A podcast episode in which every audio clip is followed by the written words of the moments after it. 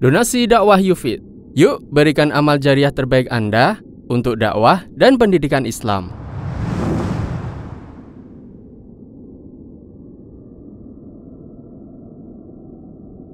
Bismillahirrahmanirrahim. Assalamualaikum warahmatullahi wabarakatuh. Alhamdulillah wahdah والصلاة والسلام على من لا نبي بعده وعلى آله وصحبه ومن اتبع هداه إلى يوم القيامة أما بعد Kita panjatkan puja dan syukur kehadirat Allah Tabaraka wa Ta'ala Pada kesempatan malam yang berbahagia kali ini Pada tanggal 6 Safar 1439 Hijriah atau yang bertepatan dengan tanggal 24 November 2017 kita masih kembali diberi kekuatan, kesehatan, hidayah serta taufik dari Allah Jalla wa Ala.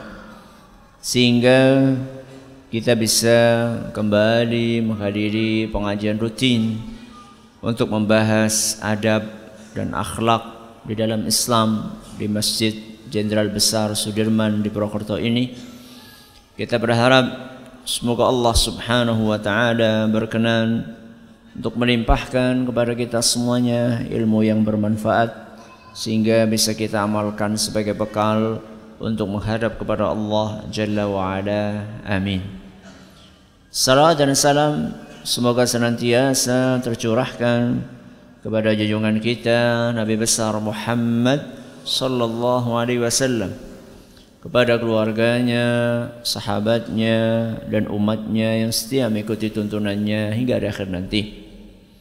Para hadirin dan hadirat sekalian yang semoga senantiasa dirahmati oleh Allah dan juga para pendengar radio Fika Insani 88.8 FM di Purwokerto, Purbalingga, Banyumas, Cilacap, Wonosobo, Kebumen dan sekitarnya. Para pemirsa Surau TV dan Yufi TV yang semoga senantiasa dirahmati oleh Allah Azza wa Jalla. Alhamdulillah pada pertemuan yang lalu kita telah mengawali pembahasan tentang hadis yang ke 17 dari Kitabul Jami' yang ada dalam kitab Bulughul Maram karya Imam Ibn Hajar Al-Asqalani rahimahullah yaitu sebuah hadis yang berbunyi An Abi Hurairah radhiyallahu anhu qal dari Abu Hurairah Semoga Allah meridai beliau bahwa beliau berkata qala Rasulullah sallallahu alaihi wasallam Rasulullah sallallahu alaihi wasallam bersabda Man ahabba an yubsata alaihi fi rizqihi Barang siapa yang suka Barang siapa yang ingin Diluaskan rizkinya. Wa an yunsa'alahu fi atharihi. Dan dia ingin Ajalnya diundur Alias dia ingin umurnya panjang. Barang siapa yang ingin dua hal tersebut Rizki yang luas dan umur yang panjang falyasil rahimahu. Hendaklah dia bersilatu rahim rawahul bukhari hadis riwayat bukhari. Pada pertemuan yang lalu kita baru mengupas awal hadis. Man ahabba an yubsata alaihi fi rizqihi. Barang siapa yang ingin yang suka diluaskan rezekinya Kemarin kita baru membahas tentang boleh nggak sih kita pengen rizki yang luas. Boleh? Boleh. Boleh nggak kita cinta kepada dunia? Boleh. Yang penting jangan yang diingat cinta dunia boleh gitu toh. Yang penting caranya. Tiga poin itu loh. Yang penting caranya. Terus alokasinya. Terus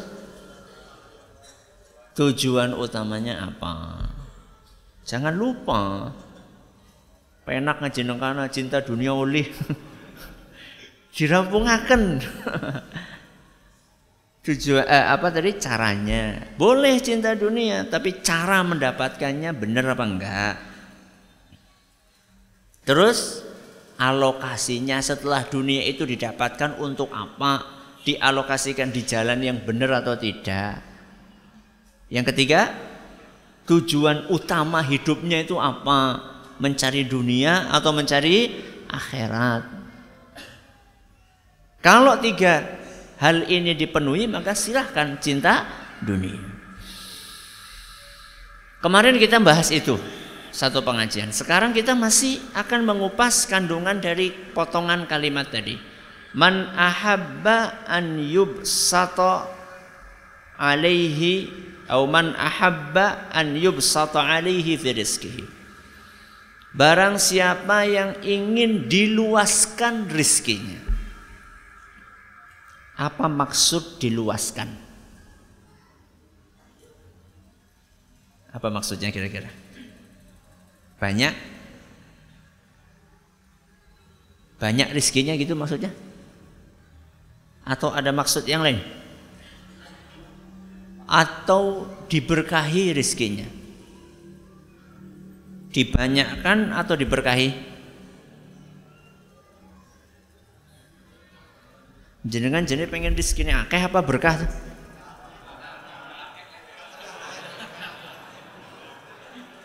berkah tapi akeh akeh tapi berkah gitu. belum tentu rizki yang banyak itu berkah. Dan belum tentu rizki yang berkah itu banyak. Dan jangan milih yang mana? Setitik berkah, apa akeh ora berkah? Yo karepe yo kabehan akeh berkah. Kalau kita baca keterangan dari para ulama kita ketika mereka menjelaskan makna dari an yubsata alaihi diluaskan kata mereka ay yaksuru wa yubaraku lahu fihi jadi makna diluaskan itu dibanyakkan dan diberkahi. Alhamdulillah. Bisa loro-loro bisa. Banyak dan berkah. Barang siapa yang ingin rizkinya berkah dan banyak, maka hendaklah dia bersilaturahim. Jadi silaturahim itu akan menghasilkan bukan hanya nominal yang banyak. Selain nominal yang banyak juga berkah. Dan sebenarnya yang lebih penting itu bukan di banyaknya yang lebih penting adalah diberkahnya. Karena sekalipun seandainya sedikit, sekalipun seandainya sedikit, tapi kalau berkah nyaman. Contoh, sebulan penghasilannya sejuta, satu juta, anaknya lima, cukup? dicukup-cukupkan. Berarti aslinya orang cukup. Satu juta buat lima anak. Wong tua loro, bapak karo ibu. Berarti untuk tujuh orang. Satu juta, satu juta. Kalau buat makan tok, satu juta dibagi tiga puluh. Berarti satu hari 30 ribuan sekian. 30 ribu untuk makan tujuh orang tiga kali. Cukup? Secara perhitungan matematis manusia tidak cukup. Tapi ada nggak orang yang penghasilannya segitu, anaknya segitu, kemudian dia cukup? Ada? Sing lebih sedidik sekarang sejuta, sing anaknya lebih akeh. Banyak yang cukup. Anak siji, bojo siji. Gajinya 10 juta. Cukup apa kurang? Yo tergantung. Ada sebagian orang gaji 10 juta, anak siji, bojo siji. Melasi ya wis anaknya siji, bojone siji. 10 juta kurang. Kenapa? Berkah. Apa? Berkah. Dari awal masuknya itu sudah nggak halal, ya sudah sampai ke belakang-belakangnya tidak akan berkah. Kuwi jenengannya duit belis di pangan setan. 10 juta tapi korupsi, korupsi. Sokok sana, sokok sini, nyerobot sana, nyerobot sini. Gak akan berkah. Tapi satu juta, satu juta ke benar-benar halal hasil dari jerih payah sendiri peras keringat banting tulang sama Allah Subhanahu wa taala diberkahi. Itu dilogiskan bisa nggak itu Ustaz? Tidak segala sesuatu harus bisa dilogiskan. Tapi saya ingin bantu. Coba. Bocah lima soleh-soleh anaknya, manut-manut. Lima-limanya puasa Dawud. Masya Allah. Berarti kan ngurangi apa? Jatah. Sudah kayak gitu Masya Allah dapat istri yang pinter. Ya. Pinter untuk mengelola uang.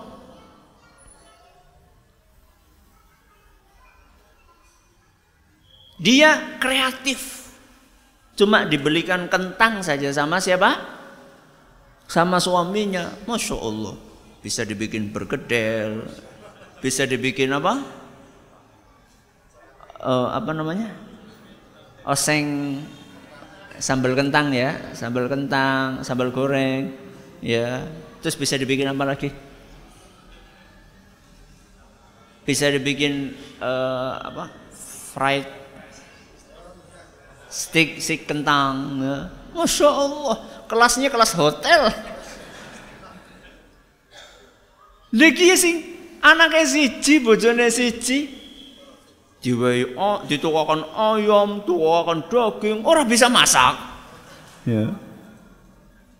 Anaknya manut-manut, masya Allah, pinter-pinter, semuanya dapat beasiswa. Anaknya sehat-sehat, jarang sakit. Pengeluarannya minim. Nek makan ya nggak terlalu minta yang macam-macam seadanya mereka makan. Makanya bareng-bareng ya.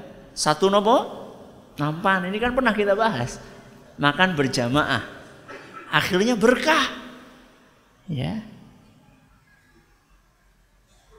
Sedangkan yang itu anaknya satu rewel. Nek lawe ora, sate gule ora, gelem. Setiap hari makannya sate gule iso. Apa lagi? Sate gule iso terus apa nih? Babat. Pokoknya yang high kolesterol. Bukan high class. Baru tamat SD kolesterolnya sudah tinggi. Bocah SD kolesterolnya tinggi. Akhirnya penyakit ini, penyakit itu, penyakit ini, penyakit itu, keluar duit, habis buat pengobatan. Belum lagi anaknya nakal, akhirnya terjerat narkoba, harus untuk rehabilitasi keluar dana sekian, 10 juta nggak cukup. Man ahabba an yubsata alaihi. Barang siapa yang ingin diluaskan. Diluaskan itu bermakna dibanyakkan dan diberkahi. Man ahabba an yubsata alaihi fi rizkihi. Barang siapa yang ingin diluaskan rizkinya. Rizki. Banyak kekeliruan pemahaman tentang rizki. Yang mendominasi pemikiran kebanyakan orang rizki itu identik dengan uang. Duit sesuatu yang sifatnya materi. Padahal kalau kita kaji di dalam agama kita, rizki itu maknanya jauh lebih luas dibandingkan materi. Di dalam Al-Quran itu kata rizki dengan berbagai jenis variannya, ada kata kerja, ada kata benda, ya. Ada fiil ada ism. Penggunaan kata rizki di dalam Al-Quran itu disebutkan diulang dalam Al-Quran 123 kali. Pengulangan kata apa? rizki. Dan ketika digaji masing-masing itu ternyata makna rizki itu tidak hanya terbatas dalam sesuatu yang sifatnya materi. Cuman sampai sekarang bahkan ini dialami oleh banyak kaum muslimin ketika ditanya ketika disampaikan kepada Masya Allah rizkinya si fulan lagi lancar. Yang langsung terdetik di benaknya adalah duitnya lagi akeh kalau misalnya ada wah rizkinya kayak lagi lancar jadi siapa lo kayak umai kaya kowe. Sepedane ontel. Sandale jepit. Loh jenengan itu nggak yakin saya. Ya. Buktinya seperti itu. Loh si fulan itu rizkinya sedang lancar. Buktinya mau masjid rajin. Ngaji rajin. Puasa rajin. Kue jenengan ini ibadah, kue ya rezeki. Itu rizki yang sifatnya imateri. Rizki itu apa toh? Rizki itu kata para ulama kita Allah azza wa Rizki itu adalah karunia dari Allah. Pertanyaannya, karunia Allah apa kok duit tok? Enggak. Karunia Allah apa cuma makanan? Enggak. Karunia Allah apa cuma minuman? Enggak. Justru makanan, minuman, harta, kendaraan, rumah itu Allah berikan kepada siapa saja. Siapa saja itu maksudnya yang dicintainya dan yang tidak dicintainya yang disayanginya oleh Allah, yang disayang Allah dan yang tidak disayang oleh Allah. Semuanya dikasih. Makan, minum, harta, mobil, rumah, sawah. Orang Islam non muslim semuanya dikasih. Orang beriman tidak beriman semuanya dikasih. Ini rizki yang sifatnya materi. Tapi rizki yang sifatnya immateri keimanan, amal salih, ilmu yang bermanfaat. Itu yang dikasih sama Allah hanya manusia, manusia spesial yang disayang oleh Allah Subhanahu wa taala.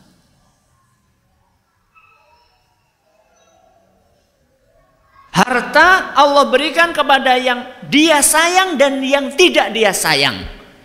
Manusia yang dia cintai dan yang tidak dia cintai. Semuanya dikasih sama Allah subhanahu wa ta'ala. Kalau rizki itu sifatnya materi. Tapi rizki yang sifatnya immateri. Hanya Allah berikan kepada manusia. Manusia yang disayangi dan dikasihinya.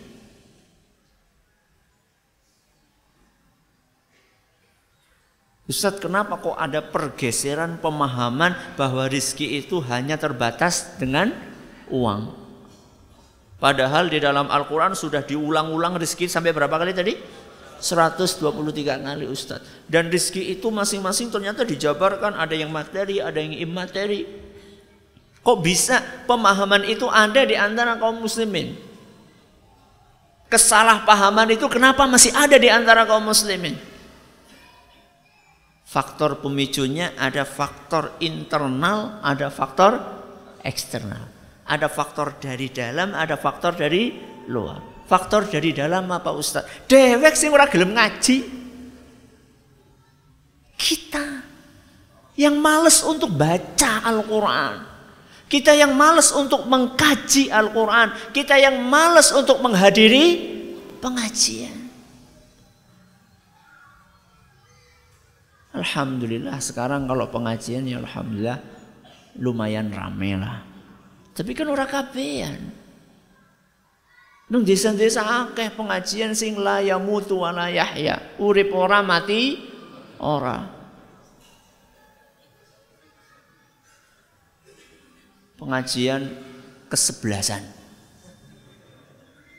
Ustadz siji jamaah siji. B ngantuk jamaah. Tapi kita patut mengacungkan jempol kepada ustadz tersebut. Walaupun jamaahnya satu tetap diajar. Tapi fenomena seperti itu sedikitnya orang yang mau ngaji itu memprihatinkan. Jadi nek pengajian ini orang lucu, orang payu. Akhirnya terjadi persaingan antara ustadz dengan pelawak.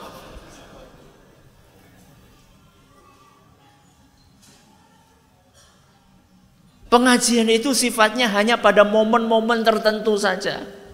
Sehingga kalau diundang pengajian, dia pengajian dalam rangka apa?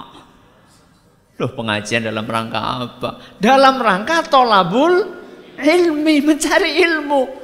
Masa pengajian identik dengan perayaan-perayaan perayaan? Pengajian itu setiap saat. Belajar agama itu setiap saat. Ya.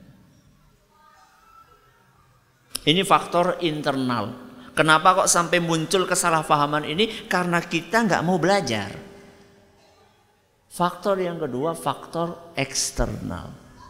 Faktor luar, apa Ustadz? Memang ada proyek dari orang-orang yang tidak suka Islam untuk memasukkan pemahaman materialistis Segala sesuatu diukur dengan materi. Coba lihat film, sinetron, telenovela, apalah bentuknya. Tayangan-tayangan itu. Ketika menggambarkan sosok orang yang sukses, cara menggambarnya bagaimana? Mobilnya mewah, umae megah, duitnya kayak tisu Berarti duitnya kayak tisu, ditarik anak maning, tarik anak maning, tarik anak maning. Gue duit kayak tisu maksudnya. Saat duitnya itu nggak ada habisnya. Jadi nolnya orang anak rampungnya. Ya. Tapi udah nol kabeh. ya. Itu yang digambarkan di layar-layar kaca. Dan setiap hari kaum muslimin menjadi konsumen bukan produsen. Menjadi konsumen apa yang diproduksi oleh orang-orang tersebut. Sehingga terjadilah pergeseran. Pergeseran pemahaman tentang rizki dan itu diperparah gak mau ngaji Akhirnya telan mentah-mentah. Tontonan dijadikan tuntunan. Faktor apa? Eksternal. Dan kita jangan mau. Bung disembelih kok malah sukarela. Nyah, sembelih baik. Jangan mau. Kita ini punya prinsip.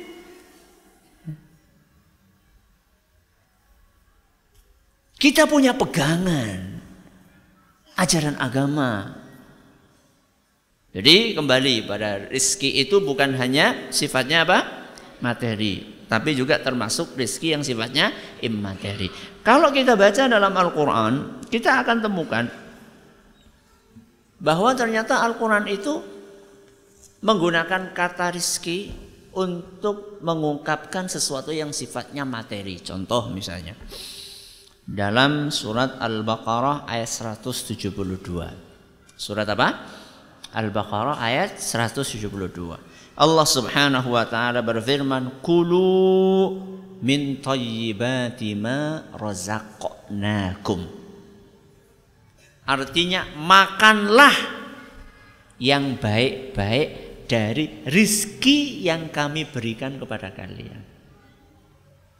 Apa? Bunyi ayatnya, makanlah yang baik-baik dari rizki yang kami berikan kepada kalian.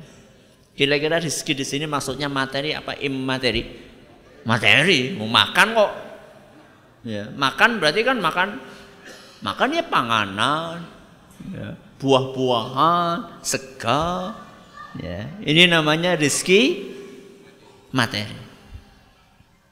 Contoh yang lain, Allah Subhanahu wa taala berfirman dalam surat Az-Zariyat ayat 22. Surat apa?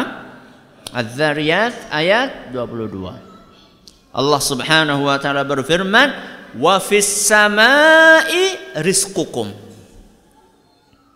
Di langit ada rizki kalian.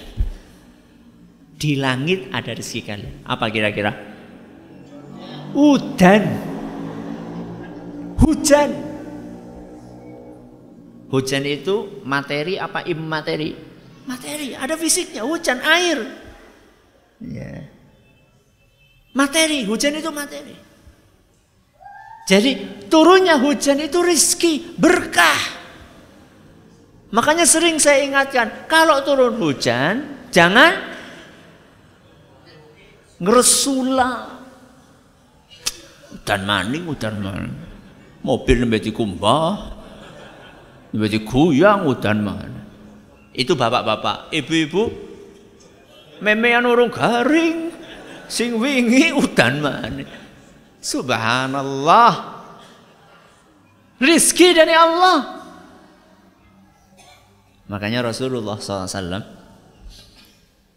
disebutkan dalam beberapa riwayat beliau itu kalau hujan keluar. Ya sambil melepas tutup kepalanya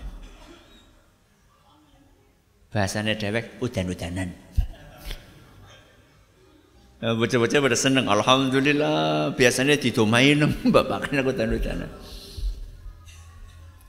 Kata beliau innahu hadithu ahdin bi rabbiha. Air yang turun ini itulah curahan berkah dan rahmat dari Allah. Tapi tentunya yang melihat kondisi fisik. Lagi meriang hutan-hutanan. Iya, bareng meriang pergi ke dokter, kenapa jenengan hujan-hujanan sudah tahu kayak gitu? Anu bar ngaji neng jensut wingi. Alah, salah maning. Lihat kondisi apa? Fisik, mau tahu bos kondisi fisik lagi kayak gitu kok hujan-hujanan. Ya ketika kondisi fisik sedang fit, sedang sehat. Jadi ketika ada turun hujan, rizki dari Allah, maka seharusnya ketika turun hujan kita berdoa. Apa doanya? Allahumma sayyiban nafi'an. Pun apal? Sampun? Masya Allah. Sampun ya sampun, sing dereng ya dereng. Apa coba? Allahumma sayyiban nafi'an. Coba lagi.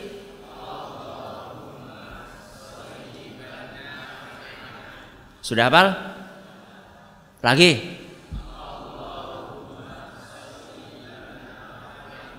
Apa artinya? Allahumma. Tahulah semuanya. Allahumma artinya ya Allah. Sayyiban itu artinya hujan. Nafi'an artinya yang bermanfaat. Intinya, ya Allah jadikanlah hujan ini bermanfaat. Bermanfaat bagaimana Ustadz? Bisa buat minum kita.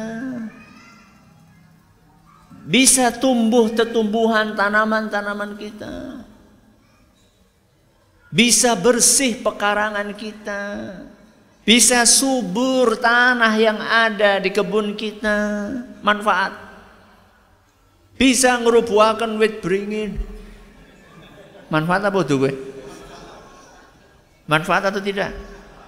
Ya tergantung sudut pandangnya. Ya.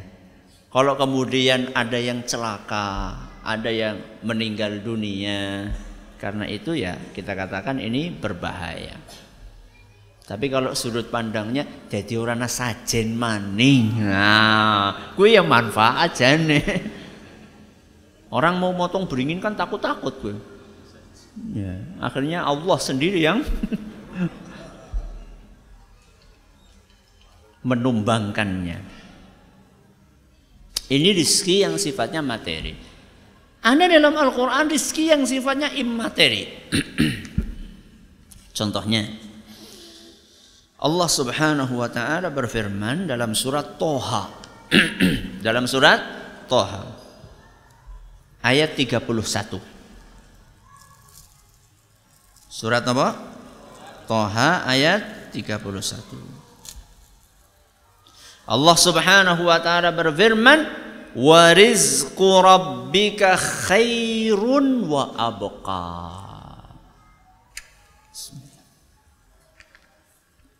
Wa rizqu rabbika khairun wa abqa. Dan rizki Allah itu lebih baik dan lebih abadi. Rizki dari Allah itu lebih baik, lebih istimewa dan lebih abadi lebih kekal. Apa yang dimaksud dengan rizki dalam ayat tadi? Kata Imam Al-Baghawi maksudnya adalah al-jannah. Apa al-jannah? Surga. Jadi orang masuk surga itu rizki dari Allah. Dan orang tidak masuk surga kecuali seandainya dia beriman dan beramal saleh. Innalladzina amanu wa amilus salihat. Orang-orang yang beriman dan beramal saleh, dia akan dapat surga. Surganya rizki, imannya rizki, amal solehnya juga rizki. Pemahaman yang benar tentang rizki ini bahwa rizki itu mencakup materi dan imateri mencakup yang sifatnya duniawi dan sifatnya ukhrawi akan membuat kita lebih ridho dengan karunia dari Allah Subhanahu wa taala. Akan membuat kita lebih bersyukur kepada Allah Subhanahu wa taala. Sedangkan orang yang pemahaman tentang rizkinya sempit, duit, duit dan duit sulit bersyukur kepada Allah. Karena segala sesuatu selalu diukur dengan duit. Jenengan bisa datang ke sini. Ngaji di sini. Salat maghrib. Setelah salat maghrib, ngaji. Setelah ngaji, salat isya. Berzikir. Mengkaji Al-Quran. Rizki atau bukan? Rizki. Wallahi demi Allah. Yang jenengan lakukan sekarang ini lebih mahal daripada dunia seisinya. Masa Ustaz? Iya. Rasulullah SAW bersabda, Raka'ata al-fajri khairun minad dunya wa ma fiha. Salat sunnah qabliyah subuh. Salat sunnah fajar lebih baik daripada dunia seisinya. Salat sunnah. Salat sunnah fajar qabliyah subuh lebih baik daripada dunia dan seisinya. Padahal gue sholat sunnah. Yang jenengan lakukan tadi sholat apa? Wajib. Bukan hanya satu sholat wajib, tambah dua sholat maghrib dan sholat isya. Di antara maghrib dan isya kita belajar taklim. Ini lebih baik daripada dunia dan seisinya.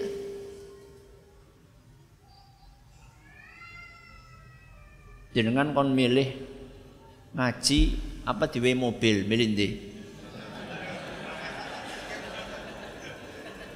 Di jajal.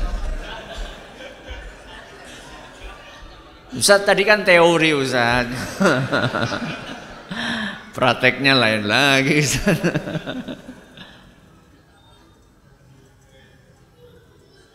ya ngaji kan bisa ngesuk Ustaz. Sing penting dua mobil disit.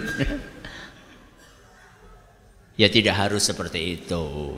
Ya, tidak harus seperti itu.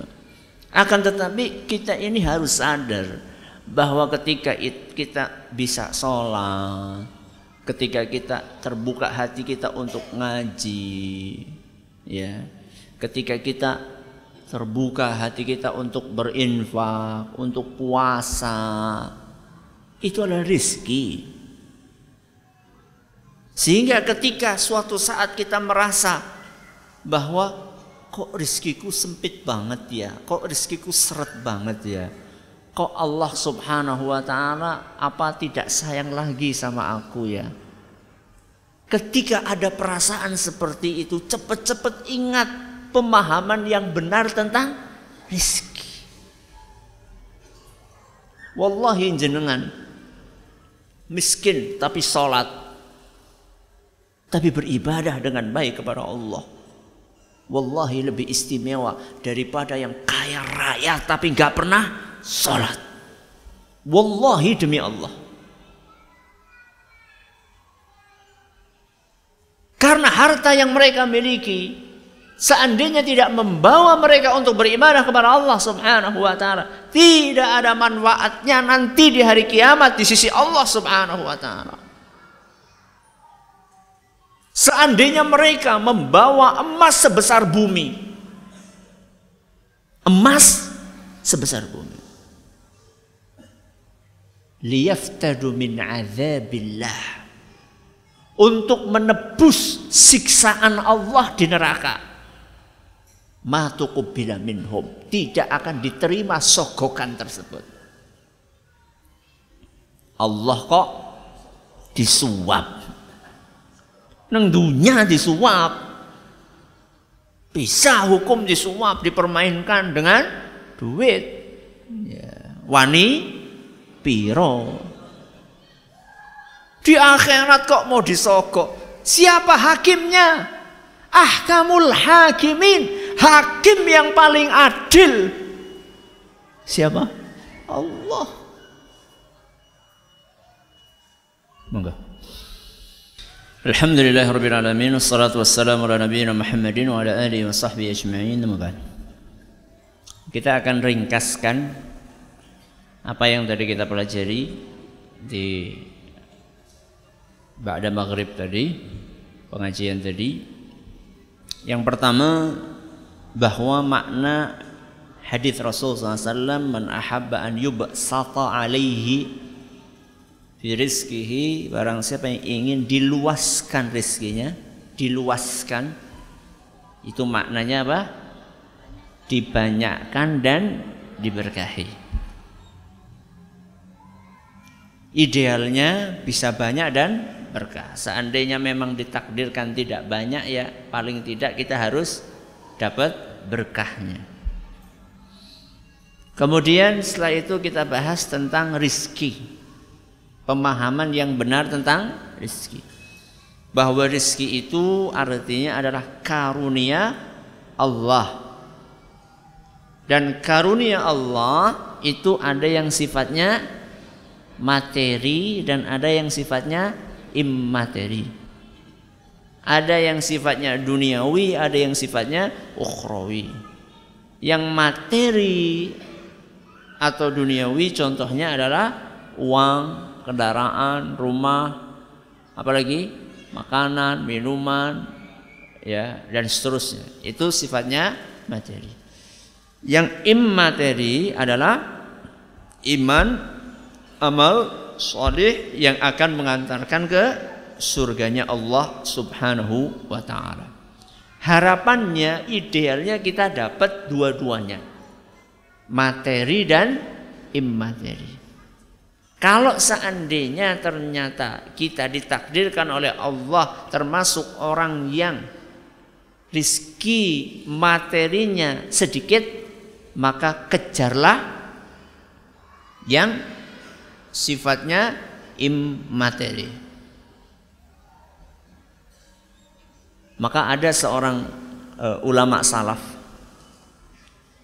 Kalau nggak salah Imam Al Hasan Al Basri, kalau nggak salah, atau mungkin ulama yang lain, beliau mengatakan, seandainya saya kalah bersaing dengan rekan saya dalam hal duniawi, maka saya akan kalahkan dia dalam hal ukhrawi. Apa? Seandainya saya kalah bersaing dengan saudara saya dalam duniawi maka saya akan mengalahkan dia dan bersaing dengan dia dalam masalah ukhrawi. Aplikasinya bagaimana? Panjenengan punya mobil. Biasa tetangga jenengan beli mobil mewah. Dalam hal duniawi jenengan kalah. Arab nututi ora bisa. Wong beli mobil yang biasa saja wis empot-empotan maka kalahkan dia dalam ukhrawi. Apa dia sholatnya bolong-bolong jenengan? Sholatnya sing rapet. Dia sholatnya rapet limang waktu tapi di rumah jenengan? Di masjid. Dia sholatnya di masjid. Dan tepat waktu jenengan berangkat sebelum waktunya. Untuk sholat sebelum waktu nih saking semangatnya jam 10 wis duhuran bukan Maksudnya belum azan jenengan sudah berangkat. Itu nasihat dari ulama kita. Kalau kalah dalam materi duniawi maka kejar ya kalahkan dia dalam ibadah kepada Allah Subhanahu wa taala. Assalamualaikum warahmatullahi wabarakatuh. Waalaikumsalam warahmatullahi wabarakatuh. Ustaz, semoga Anda selalu dijaga oleh Allah Subhanahu wa taala. Amin. Kita semua mudah-mudahan. Bagaimana apabila seorang istri mencari nafkah? Apakah hasilnya mendapatkan berkah dan bagaimana hukumnya? Mohon penjelasannya. Saya akan balik bertanya dengan empat pertanyaan. Satu, apakah mendesak untuk bekerja? Satu. Dua, Apakah pekerjaan yang Anda lakukan halal? Tiga, apakah lingkungan pekerjaan Anda syar'i? Empat, apakah pekerjaan tersebut melalaikan dari tugas utama atau tidak? Kalau jawaban dari empat pertanyaan ini positif, insya Allah halal. Contoh, pertanyaan pertama apa tadi? Mendesak atau tidak? Contoh mendesak, suami sakit, stroke, nggak bisa mencari nafkah. Lu mau nggak mau harus bekerja. Yang ngasih makan anak suami siapa kalau jenengan nggak kerja? Satu nggak mendesak Ustadz suami saya penghasilannya gede bos. Wis ngapa maning? Dua. Halal enggak pekerjaannya? Kalau tanya berkah pekerjaannya halal apa enggak kalau pekerjaannya enggak halal ya dari awal enggak berkah. Tiga. Lingkungan pekerjaannya syariah atau tidak. Anda itu ketika bekerja di milieu pekerjaan tersebut di lingkungan itu, itu jenengan campur aduk laki-laki perempuan atau tidak, digodain sama laki-laki atau tidak, atau pekerjaannya masya Allah terhormat di tempat yang masya Allah syar'i, atau pekerjaannya di rumah jualan online. Itu kan interaksi dengan apa nama? Lawan jenis itu minim. Betapa banyak rumah tangga yang hancur gara-gara terjadi perselingkuhan di tempat pekerjaan. Karena memang tempatnya tidak syar'i. Bos sekretarisnya cewek, masih muda lagi. Cantik lagi. Ya memang yang dipilih yang cantik. Setiap hari interaksi. Ya, Mungkin nggak terjadi konslet? Sangat mungkin. Dan bukan kemungkinan, sudah terjadi, bukan kemungkinan lagi, sudah terjadi. Ya. Maka ini pertanyaan yang ketiga. Yang keempat, apakah melalaikan dari tugas utamanya atau tidak? Tugas utamanya apa? Melayani suami, mendidik anak, walaupun mendidik anak itu adalah tugas bersama, tapi dominan ada di tangan istri karena suami bekerja di luar, banyak di luar, istri banyak di rumah. Saya sering saya ceritakan ini. Pernah suatu saat ngajar anak-anak TPQ. Ini kejadian beberapa tahun yang lalu. Ketika sore-sore pada asar biasa ketika lagi nyimak anak-anak itu membaca ikra tahu-tahu ada salah satu anak TPK yang diem nunduk lama-lama nangis sambil megangi perutnya sambil megangi terus ditanya kenapa nangis Pertama nggak mau jawab. Akhirnya didesak-desak kenapa? Sakit perut. Kenapa sakit perut? Lapar. Kenapa lapar? Belum makan. Dari kapan? Dari pagi. Dari pagi. Jadi ketika dia bangun, ibunya sudah nggak ada. Ketika dia pulang sekolah, ibunya juga nggak ada. Ketika tidur malam ibunya belum pulang.